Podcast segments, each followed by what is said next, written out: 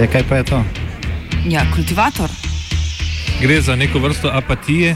To lahko reče samo kreten, noben drug. Socialni invalid in ga je ne mogoče urejati. Drugi kandidat. Pa, pa pije, kadi, masturbira, vse kako ti lahko reče. Nihče tega ne ve.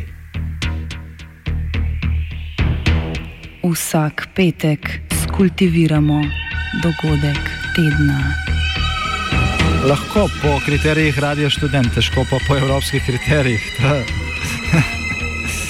Ampak na drug način, kot vi tu mislite. Kultivator vedno užge. Da pač nekdo sploh omenja probleme, ki so, in da pravzaprav sploh nekdo sproži dogajanje uh, v družbi. To drži, drži.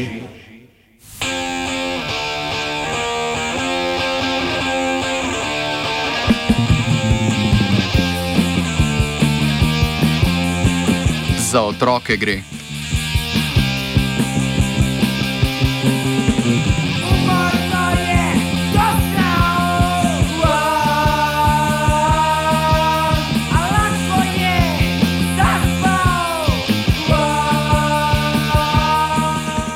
V podporo reformi šolstva se je na Hrvaškem v sredo odvila množica protestov. Potekali so v 13 hrvaških mestih, prisostvovalo naj bi 50 tisoč ljudi, podpora pa je prišla tudi iz hrvaških diaspor širom sveta. Državljane je razburilo vmešavanje Ministrstva za šolstvo v pripravo reforme.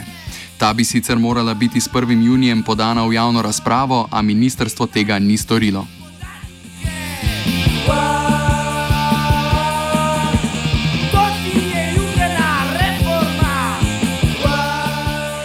Vlada želi v strokovno skupino, ki je reformo pripravljala že 16 mesecev, naknadno imenovati še 10 strokovnjakov.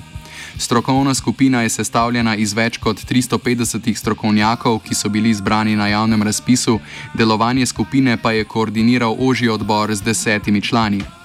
Novi člani bi bili imenovani strani ministrstva. Netransparentni postopek imenovanja novih članov je koordinacijski odbor prepoznal kot obliko političnega pritiska in podal svoj odstop.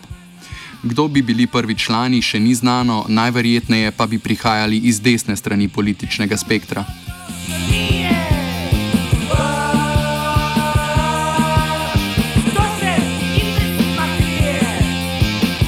Za začetek k reformi šolstva. Kakšne so njene tendence in zakaj je njeno sprejetje pomembno, pojasni Sanja Šprem, predsednica Hrvaškega sindikata učiteljev. Tendencija obrazovne reforme je u stvari e, kompletna promjena obrazovnog sustava.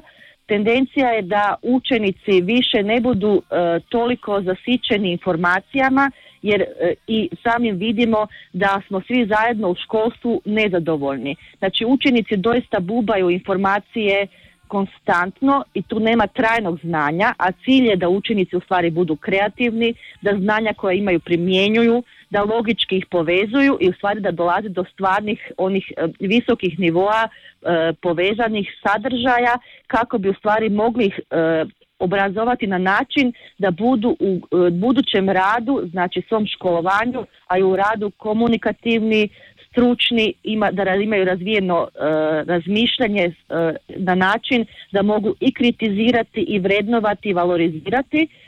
Isto tako u obrazovnom sustavu učitelji nisu zadovoljni jer iz godine u godinu su sve više i više bave papirima, znači postoje birokrati, umjesto se bave primarno odgojem obrazovanjem tako da su i učitelji nesretni, a naravno posljedica toga je da su i roditelji učenika koji su preopterećeni nesretni. Tako da je hitna potrebna reforma obrazovanja kako bi bili zadovoljni i učenici i učitelji i roditelji.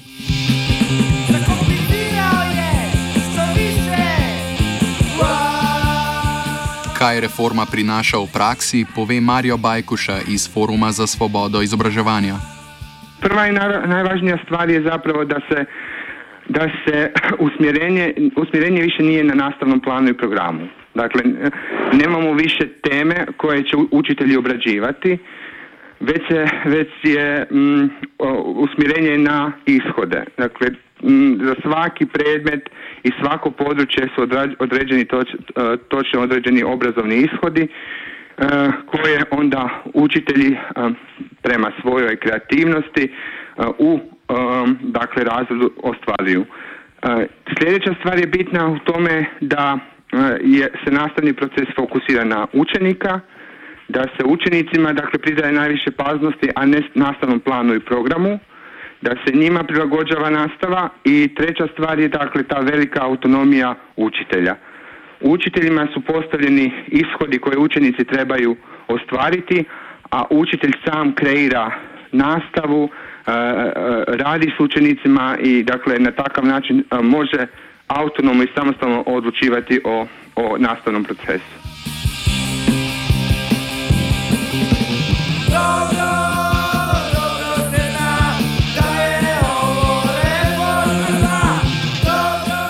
Politični kontekst boja med konzervativno in liberalno strujo reformo umesti članica Centra za radničke študije in raziskovalka z področja izobraževanja Andreja Milat.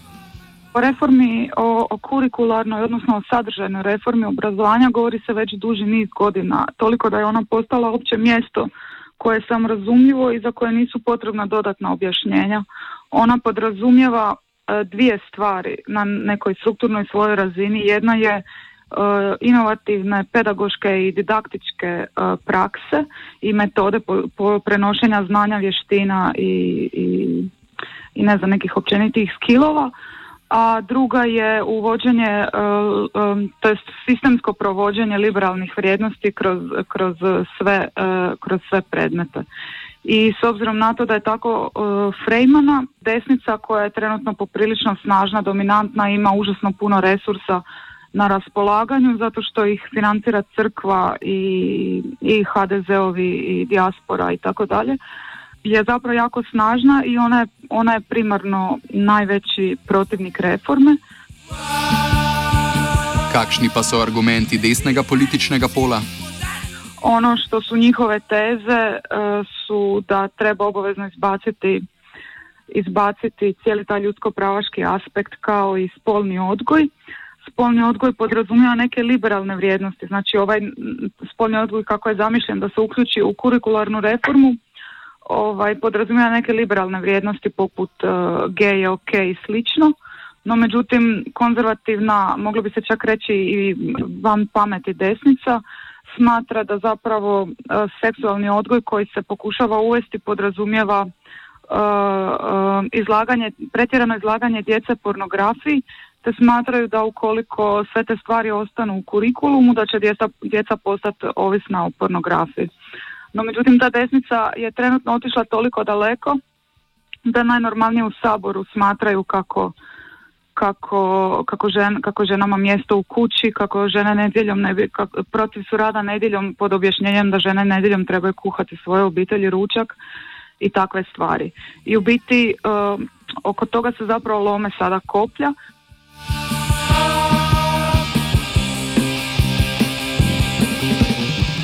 K protestom ki vse so se odvili in kolikšna je bila njihova udeležba, pove Sanja Šprem. U Republici Hrvatskoj već dugo nije zabilježen ovakav veliki prosvjet vezan uz obrazovanje.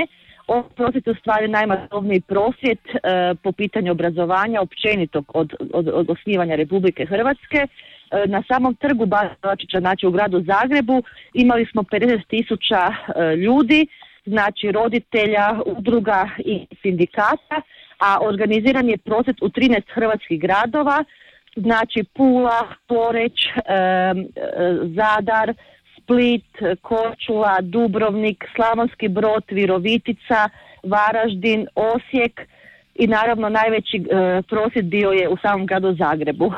U znak podrške u europskim gradovima i naravno u diljem e, naše dijaspore bili su prosvjedi i u Berlinu, Parizu, u Londonu, u Briselu i u Šangaju.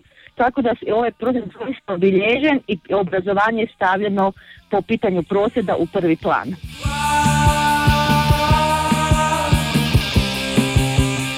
Masovnost protestov komentira tudi Andreja Milat.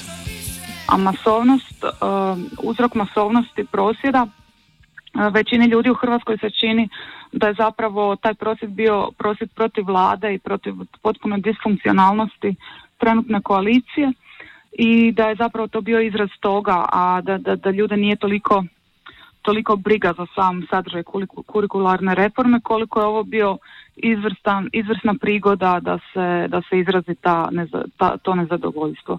Kad se to je zapravo sve nekako dosta šizofreno, zato što imamo tobože apolitični prosvjed koji samim tim činom zapravo omogućava prostor ulaza u temu velikom broju zainteresiranih građana, ali s druge strane ti građani na, na tobože apolitičnom prosjedu žele zapravo artikulirati svoj politični stav i neslaganje sa, sa, sa, sa, sa dominantnim političkim paradigmama koje su trenutno na vlasti.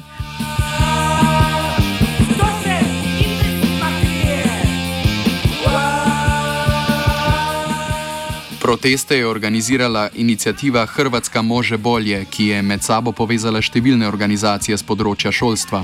Več o nastanku inicijative pove Marijo Bajkuša.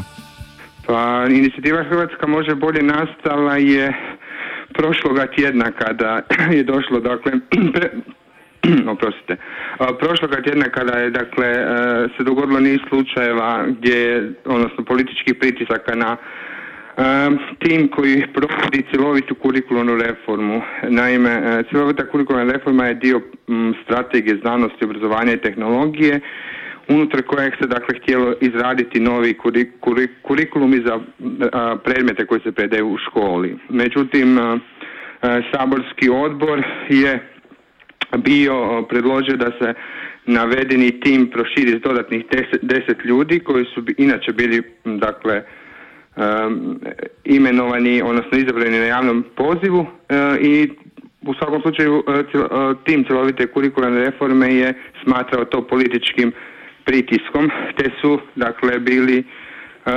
tražili od ministra da ih zaštiti od tog političkog interesa, međutim kako se ministar nije bio glasio oko toga, oni su ponudili odnosno zatražili svoje razrješenje. U trenutku dakle kada je došlo do toga E, organizacije koje se inače bave obrazovanjem u Hrvatskoj su e, dakle kanalizirali taj jedno e, taj jedan opće narodni, ako mogu tako reći, zahtjev za time da se cjelovita kurikularna reforma nastavi, jer su građani vidjeli stvarno potrebu da se napravi obrazovna reforma i da se hrvatske škole učine boljima, jer realno od 80. godina hrvatske škole, odnosno hrvatske škole u ovom trenutku rade prema planovima i programima iz 90. godina. Tako da, evo, dakle, organizacije koje su okupljene i koje inače rade na području obrazovanja su uh, kanalizirale tu poruku i organizirale inicijativu i evo ovaj prosvjed u srijedu.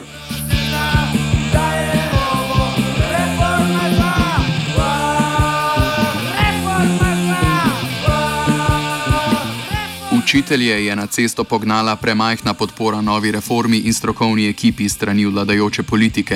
O razlogih za njihovo aktivacijo nadaljuje Sanja Šprem. Uzrok e, zbog čega je došlo do samog e, prosvjeda je jer je država u stvari na neki način i vlada Republike Hrvatske samo deklarativno davala podršku kurikularnoj reformi, a ne u stvari konkretno. Znači novci koji su trebali biti osigurani za edukaciju učitelja i kako bi bila reforma doista pokrenuta nisu bili osigurani. To je bio prvi znak da Vlada Republike Hrvatske deklarativno daje podršku kurikulnoj reformi, a ne stvarnu podršku. Isto tako stručnjaci koji su u stvari izabrani putem javnih natječaja e, trebalo je u stvari radi utjecaja politike, ali i vjerskih organizacija na neki način njihov stručni rad ispolitizirati, zato smo željeli da u stvari obrazovanje bude bez utjecaja politike, bez utjecaja nekih marginalnih skupina, te smo htjeli da obrazovanje vode stručnjaci i one osobe koje su 16 mjeseci predano bez plaćanja radile na stručnoj reformi obrazovanja u Hrvatskoj.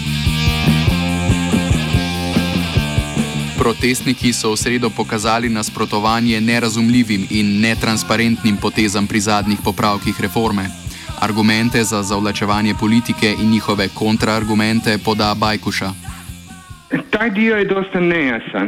Prva stvar nejasan je razlog zašto se tih deset novih ljudi treba imenovati kada su svi ostalih, svih 400 ljudi imenovani, odnosno izabrani na javnom pozivu. To je prva stvar. Druga stvar, odnosno drugi argument je bilo da e, u samoj ekspertnoj radnoj skupini, dakle tom glavnom koordinacijskom tijelu nedostaje ljudi iz takozvanog STEM područja, dakle Science, Technology, Engineering and Math. E, međutim, e, treba znati, treba biti upoznat sa strukturom cjelokupne cjelovite kurikularne reforme gdje to koordinacijsko tijelo zapravo ne odlučuje o konkretnim predmetnim kurikulima, već se to rade pojedini, e, pojedine stručne radne skupine, pa tako su ti predstavnici tog područja zastupljeni i u matematici, i u fizici, i u kemiji, dakle u svim e, e, odgovarajućim područjima. Međutim, nije bilo jasno kako će tih deset ljudi biti imenovano ili hoće li oni isto proći postupak javnog poziva kao svi drugi. I dakle, cjelokupno taj, taj segment motivacije da se donese takva odluka, takva odluka je bila nejasna, neutemeljena, posebno imajući dakle na umu činjenicu da osim konzul, recenzijskog, odnosno konzultantskog procesa su svi dokumenti bili javno objavljeni, bili su prošli stručnu raspravu koja je bila dosta u kojoj se je sudjelovalo dosta učitelja i učiteljica, a sad je trebala slijediti javna rasprava. Dakle, svaki zainteresirani građanin i svaka zainteresirana građanka su mogli u tome sudjelovati, dati svoje komentare i na takav način utjecati na postupak.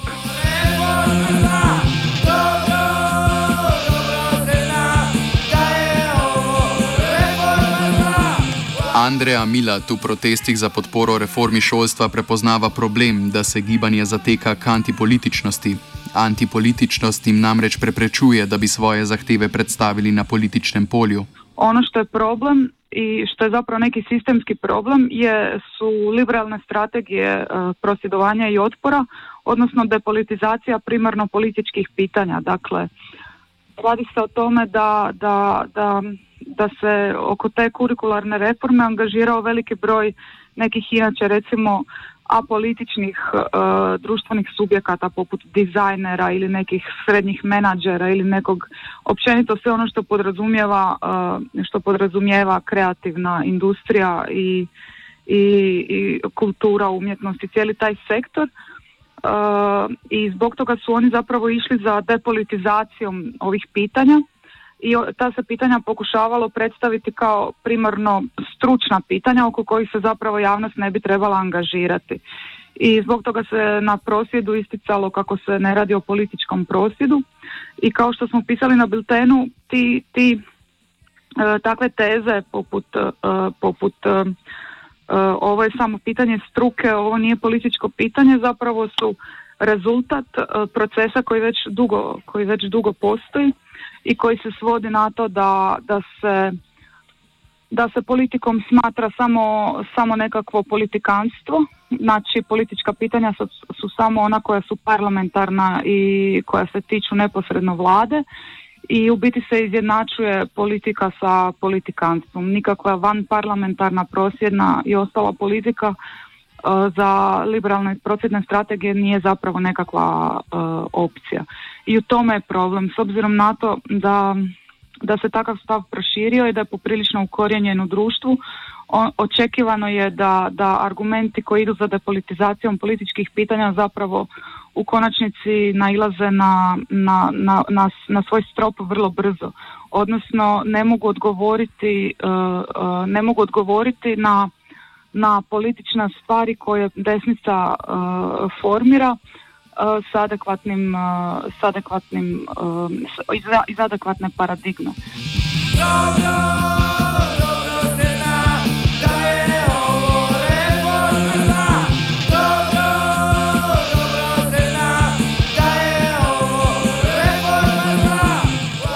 Politiziranje gibanja ostaja veliko vprašanje levice, zaključi Milat to je jednostavno proces koji, koji, koji se mora voditi, ali da bi se on, znači proces uh, politizacije i da to, da to tako kažem, mislim krivo će zvučati, ali deliberalizacije, znači da se, da se stvar ponovno politizira, da se društvena pitanja postave kao politička, zapravo jest proces kojim se ljevica ovdje dosta intenzivno bavi i to se pokazuje poprilično teško, pogotovo ovaj sad nakon promjene e, vlasti zato što e, jednostavno kriza medija u kombinaciji sa HDZ-ovim kupovanjem medija poput Novog lista i svojih portala je dovela do toga da, da, da je zapravo znatno opala kvaliteta medija u zadnje vrijeme i ljeve teme i ljeve perspektive i ljevi govornici su sve više marginalizirani.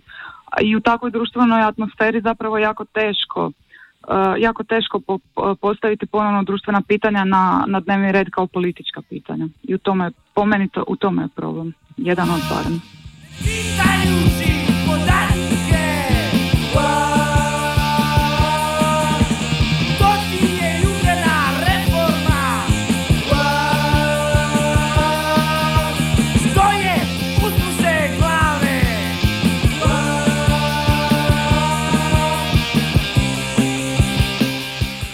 Kultiviral je noveli.